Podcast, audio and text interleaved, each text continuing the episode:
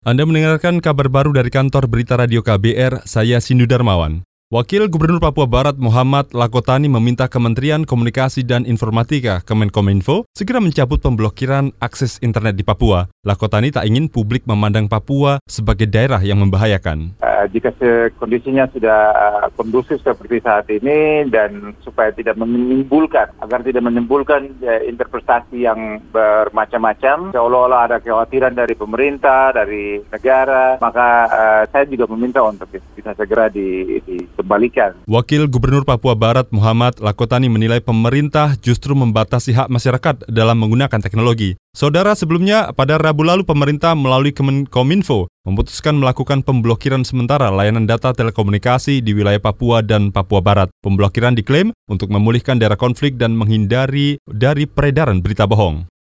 Kepolisian Indonesia menyatakan segera memeriksa organisasi masyarakat terkait kasus penyerangan mahasiswa Papua di Surabaya, Jawa Timur. Juru bicara Polri Asep Adisa Putra menegaskan, kepolisian akan terus mengusut kasus penyerangan mahasiswa Papua di Surabaya, termasuk pelaku dugaan rasisme. Ya, tentunya pihak Polda Jatim dalam ini Polresta Bes Surabaya melakukan kegiatan atau upaya-upaya tersebut berdasarkan pertimbangan situasi yang ada pada saat itu. Ya. Juru bicara Kepolisian Indonesia Asep Adisa Putra membantah aparat kepolisian terlibat dalam kasus rasisme di Surabaya. Menurut Asep, kepolisian hanya bertugas mengamankan area yang dianggap sedang dalam kondisi memanas. Sementara itu, saudara sejumlah ormas dan aparat kepolisian serta TNI diduga terlibat dalam kasus rasisme pada pekan lalu.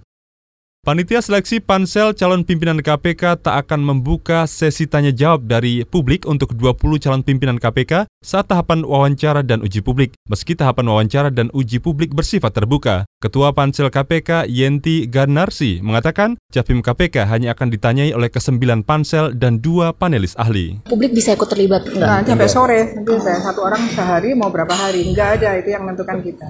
Dan pada hakikatnya kan uji publik itu akan nanti di DPR. Di DPR. Ya, itulah esensi dari uji publik karena mereka akan dipit proper oleh wakil-wakil rakyat dari berbagai apa aspirasi rakyat itu ya? wakil rakyat wakil publik ya wakil publik siapa yang mewakili 260 juta Ketua Pansel calon pimpinan KPK Yenti menambahkan 20 orang calon pimpinan yang lolos penilaian profil akan menjalani tes kesehatan pada 26 Agustus 2019. Selanjutnya Pansel akan menyerahkan 10 nama yang lolos wawancara dan uji publik pada Presiden Joko Widodo pada 2 September 2019. Setelah itu Jokowi akan menyerahkan nama tersebut pada DPR untuk diuji kelayakan dan kepatutannya. Kita bergeser ke Jawa Timur. Kepala Badan Penanggulangan Bencana BPBD Sumeneb, Abdul Rahman Riyadi menyatakan 23 penumpang kapal Santika Nusantara yang terbakar di perairan Masa Lembu Sumeneb belum dievakuasi. Dari jumlah itu sebagian masih berada di dalam kapal menunggu bantuan datang. BPBD menjelaskan dari total 160-an penumpang yang sudah dievakuasi sebanyak 139 orang. Abdul Rahman menambahkan pihaknya masih terkendala dalam evakuasi lantaran terkendala ombak laut yang tinggi dan angin kencang. Saudara sebelumnya kemarin kapal motor Santika Nusantara terbakar di perairan Masalembu Sumeneb, Madura. Belum diketahui secara pasti penyebab terbakarnya kapal tersebut. Demikian kabar baru dari kantor Berita Radio KBR, saya Sindu Darmawan. Salam.